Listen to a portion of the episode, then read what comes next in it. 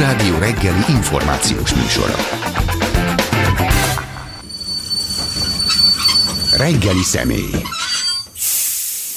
A reggeli személy pedig Bihari Ádám, a HVG újságírója. Az elmúlt napokban, az elmúlt másfél-két hétben többször szerepelt itt a Klubrádióban, többször jelentkezett be, hiszen Kievben volt egy újságíró különítmény vagy csoport tagjaként hárman voltatok kint, és ha jól emlékszem, akkor a háborút megelőző, háborút, háború megindulását csütörtöknek tekintjük, ti szerdán érkeztetek Kievbe, akkor mi volt érezhető abból, hogy, hogy, hogy Oroszország ripsrops lerohanja Ukrajnát? Jó reggelt kívánok! Hát szerdán reggel érkeztünk, tulajdonképpen Kiev utolsó békés napját láttuk. Üzletek nyitva, emberek az utcán, este vacsoráztunk egy jót, semmit nem lehetett szerintem érezni abból, hogy mi lesz másnap, teljesen kiszámíthatatlanul történt ez az egész. Azzal együtt, hogy nyilván benne volt már a levegőbe egymás, de én csütörtökön hajnalban konkrétan a háború hírére ébredtem, amikor megérkeztek az üzenetek a Putyin beszédről, és utána nem sokkal később ugye a puffanások hallatszottak már a hotelszobában is, utána pedig a szálloda előtt hallgattam ugyanezeket a puffanásokat, és néztem ugyanabba az irányba, ahova minden más kievi, és szerintem ettől különleges, vagy ettől lehetett különleges a mi kintartózkodásunk, ugye Turi Gergely fotós kolléga, Német András kollégám a HVG-től, hogy mi végignézhettük azt a mentális átalakulását a kievieknek, ahogy a, a békéből tulajdonképpen két-három óra alatt váltott át hadi állapotba ez az ország, és a város, ami, ne, ami ostrom alá került még aznap estére, hiszen a külterületeken folyamatosan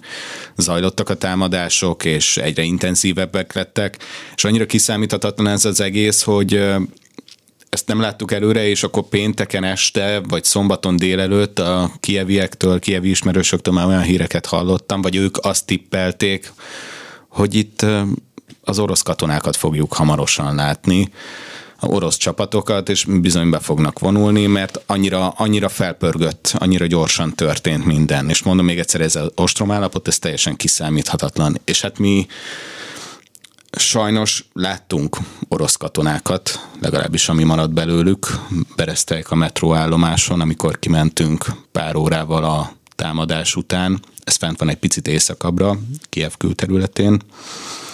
És ott történt szombat hajnalban egy támadás, mi három-négy órával később értünk oda, tehát a járművek még lángoltak, nyilván próbálták eloltani, a roncsokat elszállítani a katonák, lövedéknyomok mindenhol, kitört ablakok, úgyhogy ott vált úgy igazán láthatóvá maga a háborúnak az a része, amit ugye elképzel magában, mert rengeteg arca van a háborúnak, de nyilván ez az a része, ahol a pusztítás, a rombolás, a tűz, a halál egyszerre volt jelen. Holott ezért mentetek, ez volt a terv, csak éppen nem Kievben vártátok ezt.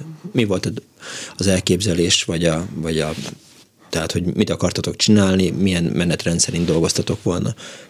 Az volt a terv, hogy csütörtökön hajnalban vonattal megyünk Szlavjanskba, ami a Donetszki, illetve a Dombaszi frontvonaltól nagyjából egy óra autóút, és kimegyünk a frontra, és ott forgatunk arról, hogy itt nyilván egyre feszültebb a helyzet a Dombaszi frontvonalon is, de ugye hajnali 3-4-5-kor láttam én az üzenetet a Putyin beszédről, fél hat körül, háromnegyed hat körül én már ugye akkoriban indultunk volna, és akkor gyorsan leültünk egy gyors megbeszélésre, ugye Kramatorskot, ami ott van Szlavjansk mellett, akkor már lőtték, ez 15 kilométer talán két város közötti távolság, és úgy láttuk, hogy a a történések azok most Kievre koncentrálódnak, hiszen halljuk a robbanásokat, halljuk a légiriadókat folyamatosan, látjuk, hogy az emberek hogyan vált át az, hogy reggel még láttam munkába tartó embereket, a pályaudvaron és a tömegközlekedési eszközökön, aztán hirtelen egy-két óra múlva már mindenkinek bőrönd és hátizsák volt, és egyre többen voltak ezek az emberek,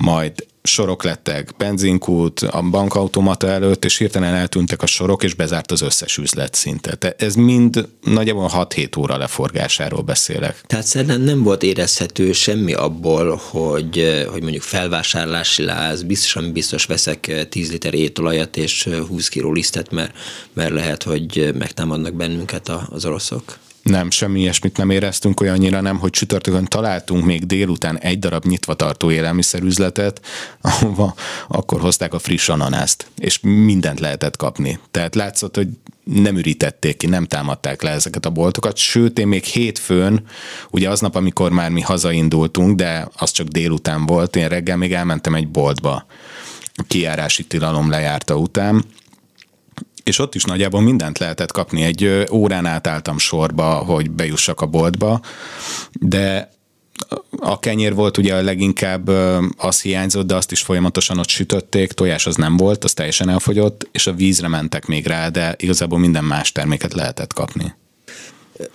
Most ebből gondolom, már semmi sincsen. Tehát élelmiszerhiány, nem tudom, hogy egyáltalán működnek-e a, a pékségek, van-e energiaellátás, van-e víz, vagy mi történik Kievben? Az többször elterjedt itt tőlem, még akkor is kérdeztek, mikor kim voltam, hogy találat érte ezt a hőerőművet, meg azt a hőerőművet, nincs víz, nincs fűtés. Volt fűtés, végig víz, az alapszolgáltatások végig megvoltak, internet most is van, azt jól látom, hiszen beszélek most is Kievben tartózkodókkal. Ezek, ezek mind megvoltak, és nem tudom, hogy az élelmiszer élelmiszer felhalmozással mi a helyzet, de azért szerintem egy ekkora városban óhatatlanul vannak készletek, az más kérdés, hogy egy elhúzódó ostrom során ezek gyorsan el fognak fogyni, ez az egyik, a másik pedig pillanatok alatt az ötszörösen, ötszörösen lesz az áruk. Rengeteg kárpátaljaival beszéltem például tegnap, és nagyon kíváncsi voltam, hogy Kárpátalján mi a helyzet a határ másik oldalán, ahova rengeteg menekülő érkezik, és ők azt mesélték, hogy ott is lehet mindent kapni, de duplájáért, mint mondjuk egy nappal korábban, vagy két nappal korábban. Tehát ez nagyon, még egyszer mondom, a háborúnak rengeteg arca van, és ez is hozzá tartozik a, a hiány, meg az áremelkedés. Mi történt abban a pár napban? Mit éreztél? Mi volt a legjelentősebb változás, amíg haza nem indultatok?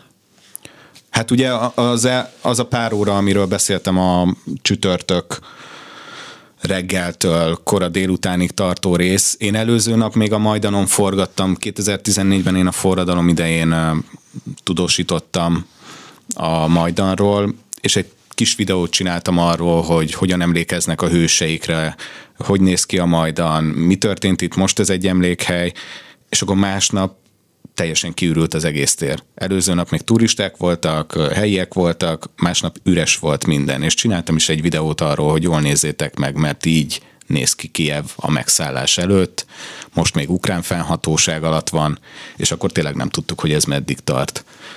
Most úgy látom, hogy azért tart, sőt, én attól tartok, nem vagyok egy nagy stratéga, hiszen nem láttam a háború kirobbanását se előre, de nekem nagyon úgy tűnik, hogy, hogy lehet, hogy az orosz vezetés most egy elhúzódó kivéreztetésre játszik, hiszen egy blitzel, ha elfoglalta volna Ukrajna legfontosabb városait, akkor, akkor egy hosszantartó ellenállással kellett volna számolni a gerilla harcmodor, partizánok, láttunk már ilyet Ukrajna történelmében nem egyszer. Így viszont, hogy folyamatosan lekül, le, leköti az ukrán védelmi erőket, valószínűleg sokkal könnyebb kivéreztetni hosszú távon, nyilván az Oroszországnak is sokkal drágább, de talán, talán ez lehet most az új stratégia. Másra nem nagyon tudom megmagyarázni, hogy miért halad ilyen rassan ez az egész, ami az első napokban iszonyatosan gyorsan haladt. Kerültetek veszélyes, veszélyes helyzetben? Leválasztva azt, hogy háborúban vagytok? Az a tehát az a furcsa innen visszanézve, hogy most már mindenki tudja, hogy mi a veszélyes helyzet. Tehát most már mindenki látja, hogy ha itt voltál, ott voltál, akkor nem vagy veszélyes helyzetben, vagy nem voltál veszélyes helyzetben. Ezt ott és akkor egyáltalán nem lehet tudni. Nincsenek információd, információid arról, hogy hol vannak az orosz csapatok, hallod a robbanásokat, amit egyre közelebbről hallatszanak, teljesen kiszámíthatatlan ostrom állapotban. Láttuk, ugye voltunk a sok emeletes lakóháznál, ami találatot kapott, egy rakéta találatot. Gondolom ők se azon gondolkodtak, hogy most veszélyes helyzetben vagyok-e, vagy Igen, nem. Vajna Timi el is gondolkozott azon, hogy, hogy igaz-e a kép. No comment, igaz, én ott voltam, láttam. Ö, és hát talán, talán amire így utólag is, vagy kinti szeme, vagy nem tudom, veszélyesnek tűnik, az az, hogy amikor ott voltunk a metróállomásnál, ahol nyilván ez a felszínen történt ez a harc, um, ahol még lángoltak az autók, és nagyon idegesek voltak a katonák, és mondták nekünk, hogy húzzunk innen, nem mentünk, utána szerencsére hozzánk szoktak, de mondták, hogy menjünk innen, mert itt hamarosan újra harcok törhetnek ki, és akkor megszólalt a légiriadó, és, és utána sétált, de nagyon hülyén hangzik, de mi stoppolva mentünk ki egyébként a, a frontvonalra, stoppal is mentünk vissza, de rengeteg séta is volt benne, mert ez messze volt a, a centrumtól, és ahogy sétáltunk, ilyen két-három háztömnyire hallottunk robbanást, meg kézi fegyverek hangját, de az ember ilyenkor nem, tehát sétálsz tovább, hiszen vissza kell jutnod valahogy a, a célpontodhoz. Hát talán erre tudnám mondani, de igazából még egyszer mondom, teljesen kiszámíthatatlan egy ostromlott városban, hogy ki és hol van veszélyben. Nyilván ezért mentek a legtöbben óvóhelyre, a metróállomásokra, és ezért voltak üresek az utcák. Akikkel beszéltetek, és mondtad, hogy, hogy bőröndökkel, meg macskás dobozokkal, gyerekkel elindulva mentek a pályaudvar felé, ők hova akartak menni, vagy milyen tervekkel indultak? Szerintem mindenki a Lövivbe tartó vonatokra, vagy legalább a nyugatra tartó vonatokra akart felkerülni. Egyébként minket is egy macskás doboz mentett meg, illetve Turi Gergely kollégámat, akit mi felszálltunk már a vonatra, és őt a géppisztolyos rendőrök vissza akarták lökni, de valahogy segített valakinek egy macskát felvinni, és akkor valahogy átengedték, de, de rendkívül... Azt hitték, fesz... hogy ő cselédje valakinek. De igazából nem hittek semmit, nagyon feszült volt a helyzet, nem akartak felengedni már egy idő után senkit, Nyilván a nőket és a gyerekeket engedték fel nagyon helyesen először, ebben segített, nyilván segített mindenki, hogy babakocsival jussanak előre az emberek, és amikor már ez megtörtént, és csak a férfi, férfi szekció maradt, akkor, akkor jutottunk fel mi is, de, de nagyon idegesek voltak a rendőrök, és nagyon haraptak kb. mindenre.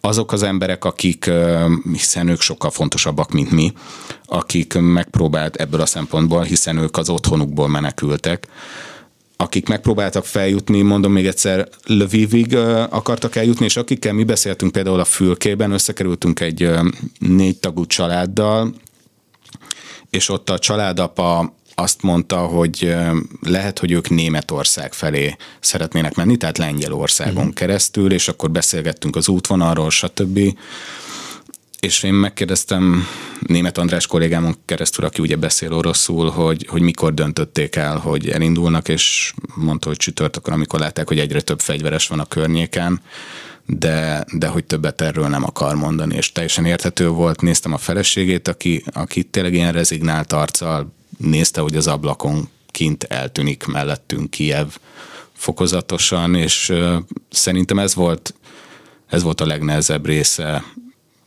nagyon érdekes módon, de, de eljönni.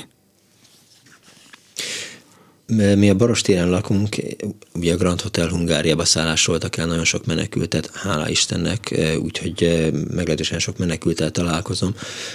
Séta közben, a kutya sétáltatás közben, és tegnap este pont azon gondolkoztam, hogy hányan lehetnek közülük olyanok, akik, akik mondjuk még nyilván arra gondolnak, hogy, hogy kihúztam-e a vasalót, bezártam-e az ajtót, és elhagyják a lakásukat, és fogalmuk sincs arról, hogy adott esetben az ő lakásukból mással nem lesz semmi, és hogy az országukból nagyjában semmi sem lesz, és ők máshol sem fognak oda visszatérni, és itt vannak két bőröndel egy a Barostéren egy szállodában.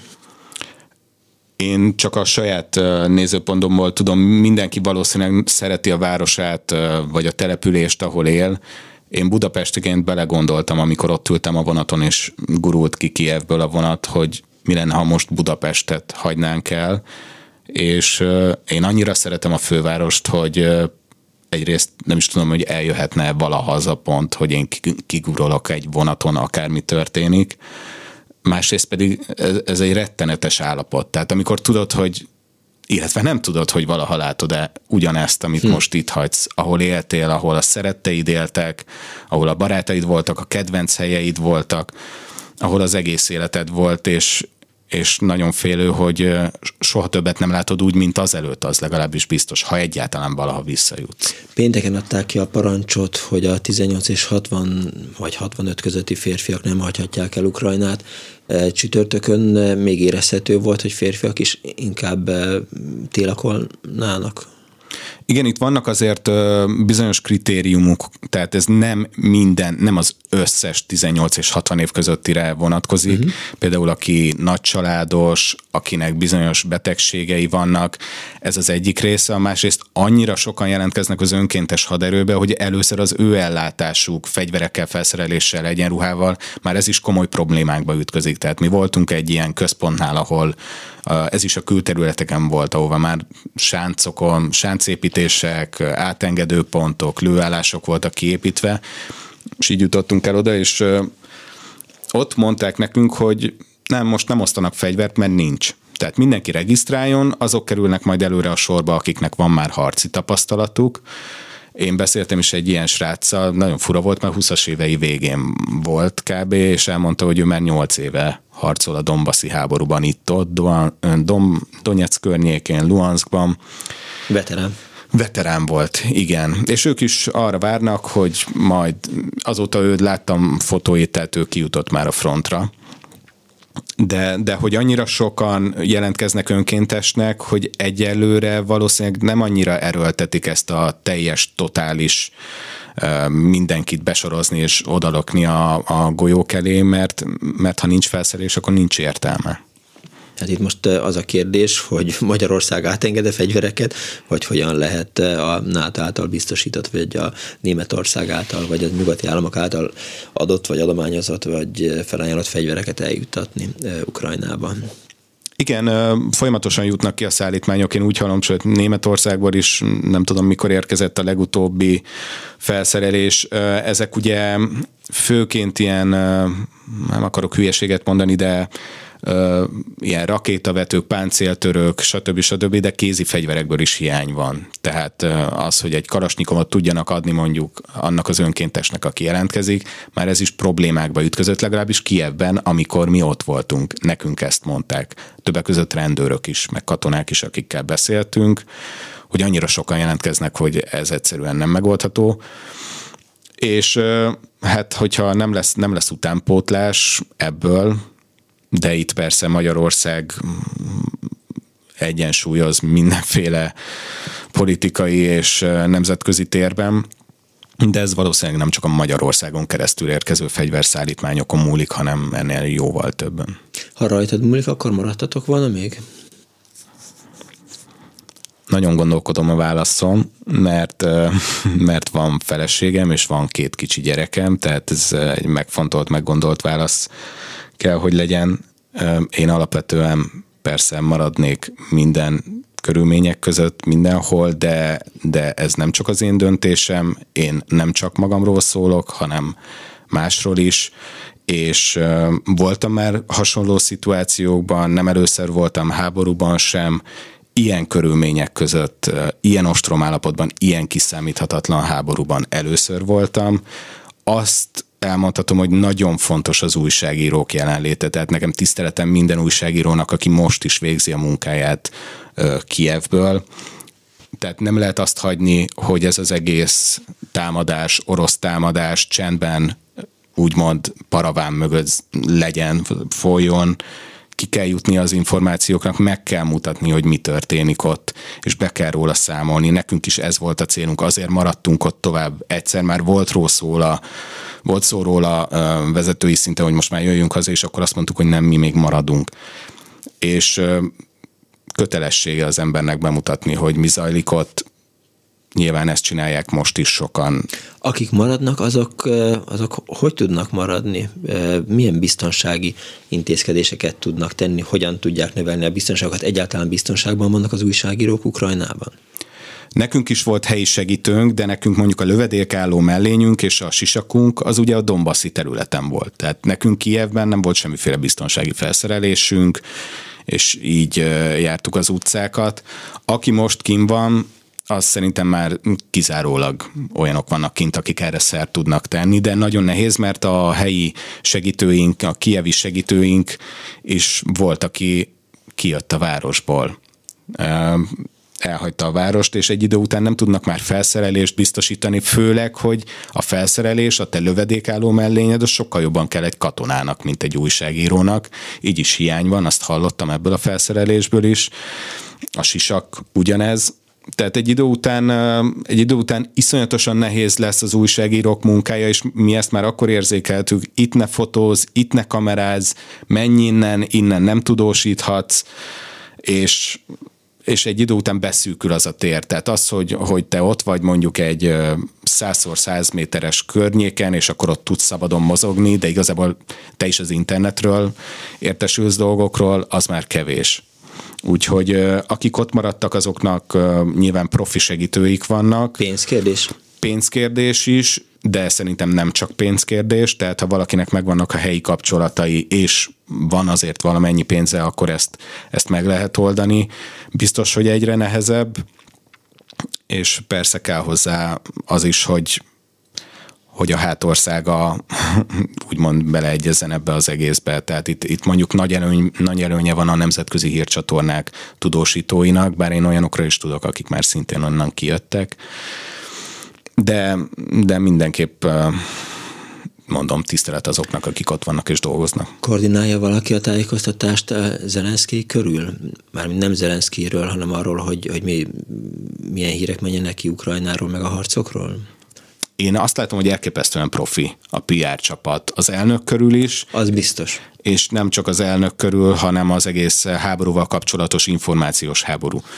Tehát itt, itt azt kell látni azért, hogy rengeteg hír érkezik, nagyon nehéz ellenőrizni sokat, akár még videókat is. Volt egy elég egyszerűen ellenőrizhető videó, ugye ahol mi laktunk az Ibis Hotelben a pályaudvar mellett, rengeteget mozogtunk ott a későbbi napokban is, ezt már az első nap evakuálták és elküldtek minket egy másik szállodába, mert hogy ott a pályaudvar és találat érheti, és az eljövetelünk után másfél nappal találat érte a szálloda melletti placot. És én ezt nagyon hitelesen, abszolút tudtam egy pillanat alatt hitelesíteni, mert felismertem az épületet, hiszen ott laktunk, és láttam, hogy ez a videó, ez biztos, hogy igaz. Tehát ez a hír, ez biztos, hogy igaz. De felröppennek másféle hírek is, és akkor összecsap az ukrán és az orosz dezinformáció, hiszen mind, mindkét oldal próbál mondjuk bedobni sztorikat, ez a katona ilyen hősiesen ezt csinálta, ez a civil a saját testével védte meg a nem tudom micsodát. És, Igen, és éppen most tüntetett ki valakit Putyin halála után, Így mert van. állítólag nem adta meg magát, hanem inkább felrobbantotta magát valamelyik orosz katona. Igen, és ezek van, amelyik egyébként alá van támasztva videóval, és akkor már kicsit könnyebb ez az egész, de van, ami egyszerűen ellenőrizhetetlen, és mindenki saját érzelmei alapján dönti el, hogy elfogadja hitelesnek vagy nem. Mi nyilván ezt nem tehetjük meg. Halottak számáról szerinted kinek lehet hinni? Hát ez is megint egy ilyen baromi nehéz kérdés, mert a, az, az ukránok... ukránok azt mondják, hogy 6-7 ezer igen, orosz katoneset áldozatul, az oroszok bevallottak talán 498-at, ha csak látjuk, én amit legmeggyőzőbbnek láttam, az az orosz hadoszlopoknak a támadása, az észak felől érkező orosz hadoszlopok támadása. Bukhánál talán pár nappal ezelőtt láttam, hogy a mi maradt. drón videó? Nem tudom, hogy az nem egy drón videó volt, az egy helyszínen földön forgatott telefonos felvétel volt arról, hogy mi maradt abból a páncélos hadoszlopból, és hát szilánkok. Tehát én nem tudom, hogy ott mi tarolt végig, de hogy az ukránok bizonyos fegyvernemekben nagyon jól el vannak látva, az ott látszott, mert, mert tényleg szanaszét voltak lőve ezek az egyébként nehéz járművek és páncélozott járművek, úgyhogy biztos, hogy vannak veszteségek mind a két oldalon, mondom, saját szemünkkel is láttunk ilyet, de de az a kisebb diverzáns csoportokat például hova sorolja akkor? Az orosz haderő az, azok lehet, hogy nem reguláris katonák, tehát akiket mondjuk mi láttunk, hiszen ők három csapatszállító teherautóval meg egy páncélozott harci járművel érkeztek oda. Lehet, hogy ők csak ilyen felderítő, nem is tartoznak igazából az orosz haderőhöz, hanem mondjuk Kelet-Ukrajnából érkeztek. Ezt nehéz belőni, és akkor, akkor már el lehet mondani, hogy oké, okay, őket nem számoljuk. Ja, nem lehet, tudom. hogy Hollywoodon már írják a, a csecsen akciócsoport forgatókönyvét. Egyébként csecsenekre, ha már a csecsenekről beszélünk, a másik oldalon is megjelentek a csecsenek. Tehát Igen? ukrán oldalon is tegnap láttam egy képet, fényképet, ami már ukrán egyenruhában is ott vannak a csecsenek szakállasan, ahogy, ahogy elképzeli őket az ember. Én egyébként találkoztam annak idején Donetszben, amikor átmentünk mi bementünk az Ostrom Donetszbe a fronton áthaladva, és ott a szakadár területen már akkor láttam ilyen nagyszakálú embert, aki hatalmas medveülőkés volt be, tűrve a mellényébe, és azon megy fél hold volt, tehát egyértelmű volt, hogy onnan jött. Úgyhogy, de ott mind a két, hát vannak csecsenek, akik úgy érzik, hogy van törleszteni valójuk az oroszokkal szemben, tehát mind a két oldalon megjelentek. Csak ugye a csecsen történet, amit hollywoodi történetek mondtam, az, hogy, hogy állítólag Putyin küldött egy csecsen kommandót Zelenszky kiiktatására, és az ukránok a, a felét megölték, a másik felét meg elfogták. Aztán kérdés, hogy ez, ez valóban így van-e.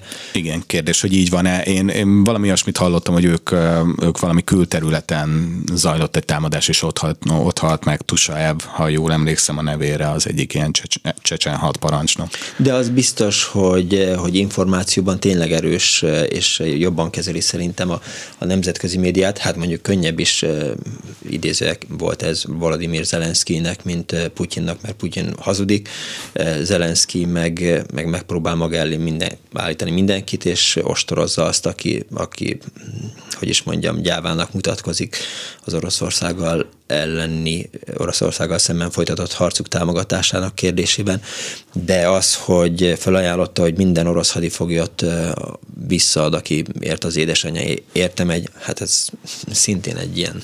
Ezek ilyen propaganda húzások, de de jól, hangzanak. de jól hangzanak, és nyilván sokkal könnyebb ebből a szempontból hitelesnek tűnnie valakinek, a, aki nem egy 30 méteres asztal mögött ül, hanem éppen egy óvóhelyen, és onnan jelentkezik be időnként videón, és mondjuk látszik az arcán, hogy iszonyatosan kimerült és fáradt, és nem, nem civil ruhában van eleve, és néha bejelentkezik a kollégáival. Hol lesz Zelenszky? Kievben. Az, első napokban ez érkezett például orosz oldalról, hogy Zelenszky elmenekült, Zelenszky már nincs Kievben. De időnként feltűnt olyan beazonosítható helyeken, amit mondjuk egyértelmű volt, hogy ott van a városban. Jó, hát azért ott láttunk már, tehát én is be tudom állítani a laptopon azt a hátteret, hogy egy mit közben egy tengerparton üldögélek aztán. Akkor megpróbálok meg objektívebben fogalmazni, nem tudom. Értem, igen. De a kérdés az, hogy hogy, hogy meddig és hogyan tudják eltitkolni a jelenlétét, mert hát nyilván ha Zelenszkit kiiktatnák, az megfordítaná az egész ukrán orosz háború helyzetét. Abszolút. Tehát ő, ő Nem is akár... tudom, hogy van-e, aki a helyébe lépjen. Ez azért nehéz kérdés, mert én a forradalom óta 14-ben végignéztem ott a Majdanon a színpadon, ahogy felmegy Timosenko, és már akkor a körülöttem lévők húzták a szájukat, és délutánra már utálta mindenki. Másnap fellépett a Klicskó, délutánra már őt is utálta mindenki. És ez folyamatosan így zajlik, Poroshenkót se szerették, és akkor jött Zelenszky. És nem tudom, hogy mennyire voltak elragadtatva tőle az emberek, de, de a mostani kiállása az biztos a morált, akár a katonák körében uralkodó morált, akár a civil lakosság körében uralkodó morált emeli, és bár nehezen lehetne most felméréseket készíteni valószínűleg Ukrajnában, a közvéleménykutatásokat, de valószínűleg elég jól állna, hiszen ott van, ott van, ahol zajlik a háború Kievben is, az ostrom alatt álló Kievben, és így azért, így azért szerintem neki nagyobb a támogatottság, meg elég eleve egy népszerű figura volt a szitkomjaival, a humorista produkcióival, amiben többek között elnököt is játszott már korábban, Úgyhogy talán egy szerethetőbb figura, mint egy csoki gyáros oligarha. Hogy most ezen elgondolkoztam egy kicsit, csak lett volna egy kérdésem, és aztán persze jól elfelejtettem, hogy Na, most összezavartál a, a, csoki, ah, bocsánat, a, a, csoki gyáros. A, csoki gyáros oligarchával, mert eh, valamelyik este a tévében látom, az ATV-ben szólalt meg egy magyar vállalkozó, akinek Moszkvában van csokoládégyára, és azt mondta, hogy, eh, hogy mennyire jó fej Putyin, meg mennyire jó ez a, ez a háború, és most egy kicsit eh, megakasztottad a, a gondolatmenetemet. Ugye arról Bocsánat. beszéltünk, hogy, hogy nem tudjuk, hogy van-e egyáltalán bárki, aki mögé áll. A fegyverekre szerettem volna rákérdezni, mert végighallgattam a podcastot a, a HVG-n, amiben hárman beszámoltok eh, a, a a munkátokról, meg a kievi eh, akciótokról, hogy eh, kiderült, hogy egyre több önkéntes van, és időnként az is kiderül, hogy az önkéntesek, hogy is mondjam, kicsivel vadabbak, mint a katonák, tehát a katonák fegyelmezettebbek, mint az önkéntesek. Mekkora veszély van annak, hogy, hogy boldog-boldogtalan most már hozzájut egy AK-47-eshez, ha beválik a forgatókönyv, amit mondtál, is, és mindenki tud fegyvert kapni. Ez van, van olyan kolléga, akit például nagyon zavar, hogy áteresztő pontok vannak, hogy idegesek a katonák, hogy ezt ellenőrzik, azt ellenőrzik, ide is benéznek, már az előbb látták. Miért beszélnek ilyen gyanakvóak velünk, és most nem is csak a közvetlen, nem a, sőt, nem a közvetlen kollégáimról beszélek, de hallottam ilyen nyilatkozatot, hogy ez, ez zavaró vagy aggodalomra dokot. Én több háborúban voltam, ahol ez bevett dolog tehát voltam Izraelben háborúban, ahol ha nincs háború, akkor is vannak áteresztő pontok és ellenőrző pontok, de akkor épp háború volt. Ezeket nagyon szigorúan veszik, ugye Donetskben az önkéntesektől való félelemre mondom, hogy amikor Donetskben mi bementünk, ott a szakadárok voltak hatalmon, akik nem egy reguláris haderő, egy, hát hogy mondjam, egy kriptoállam tulajdonképpen, ami akkor ott létezett, még alig egy éve, alig egy éves volt, és ott, ott tulajdonképpen önkéntesek voltak, és fogalmunk nem volt. De nem volt olyan autoritás, ami azt mondja nekik, hogy figyelj, ezt ne csináld, azt ne csináld, az mindenki örült, hogy legalább harcolnak és védik azt a területet, nem volt, nem volt aki igazán számon kérje őket. De ez hozzá lehet szokni, meg ezzel együtt kell élni egy háborúban, hogy igen, gyanakvás van, és nem biztos, hogy te érzed jól, hogy hát semmi okod rá, de most miért pont velem? Tehát ez simán lehet, hogy egy másik esetben viszont valaki átszivárog, támadást hajt végre, információt szerez, újságírónak átszázza magát.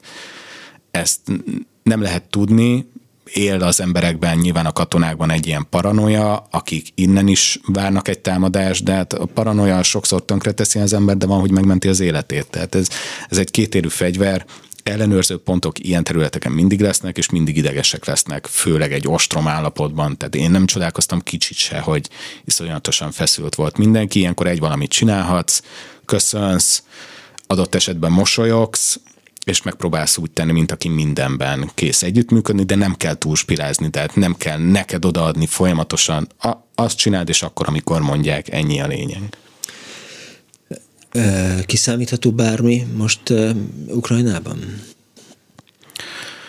nem látni, hogy igazából, ahogy az előbb mondtam, hogy, hogy lehet, hogy ez a kivéreztetés most az új stratégia, úgyhogy nem látni, hogy, hogy hova, rengeteg menekült fog továbbra is érkezni. Ez kiszámítható. Tehát nagyjából ez az egy tűnik biztosnak, szerintem sokkal több, mint eddig és hozzánk még igazából nem nagyon érkezett el szerintem a belső Ukrajnából érkező menekülteknek a nagyobb hulláma. Fognak Megindultak még... már?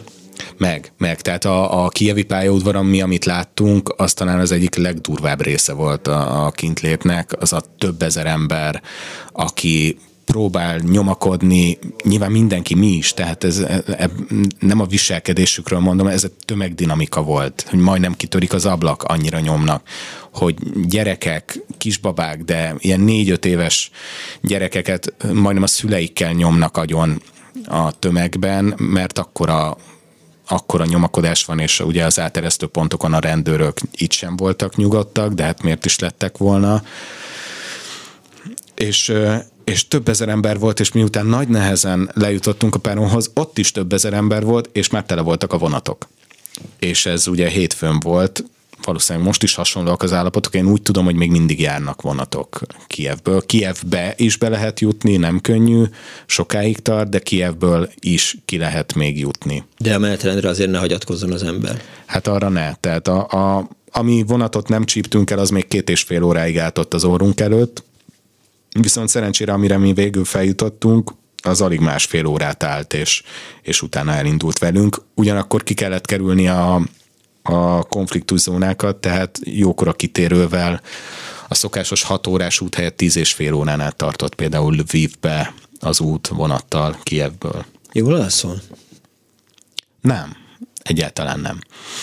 Egyáltalán nem alszom jól, de az a helyzet, hogy szinte már ilyen hagyományszerűen a háború első napjától, ami ugye nekem olyan 4 óra 47 perckor kezdődött, szinte minden nap ugyanakkor kelek, legalábbis nagyon korán, de ma már becéloztam egy fél hatot, úgyhogy az már egész jó eredmény.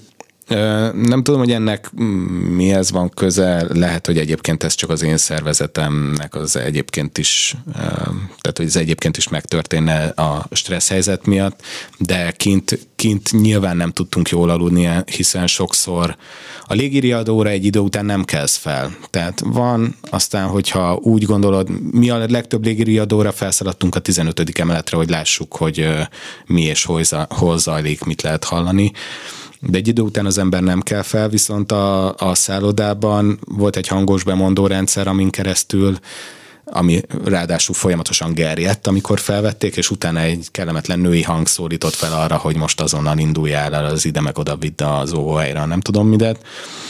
És ez hajnali háromkor. Tehát állandóan megszakítják a legmélyebb álmodat, elveszik a biztonságodat attól, hogy ha te most visszafekszel, akkor majd most fogsz tudni aludni, hiszen lehet, hogy 10 perc múlva ugyanez megtörténik. Tehát volt egy ilyen alvás, megmonás, kimerülés, Egyébként a, a kiárási tilalom alatt lehetett pihenni. Nem csak arra gondoltam, hogy, hogy szerintem, ha az ember napi 24 órában háborús híreket olvas, akkor, akkor nagyon nehezen alszik el, és és, és egy kicsit, hát is mondjam, nincs helye a nyif-nyaf-nyafogásnak, hiszen Ukrajnában sokkal komolyabb problémákkal néznek szembe az emberek. Csak azt érzem, hogy, hogy itthon is látom ismerősökön, meg barátokon, hogy, hogy, hogy szép lassan mindenki annak ellenére, hogy van pár száz kilométer, azért kezdünk beleőrülni, meg, meg depressziósá válni, meg mentális betegségeink egy kicsit kiújulnak a, a háború hírére, meg arra, mi történik. Igen, de hát még egyszer azok, akik ott vannak, ennél sokkal mélyebb állapotban Persze. vannak. Ugyanakkor, aki kint van mondjuk egy ilyen szituációban, van egy ilyen all-time high, amit nem tudom, hogy tudnék magyarul rendesen megfogalmazni, de egy ilyen folyamatos készenléti állapot, amiben vagy.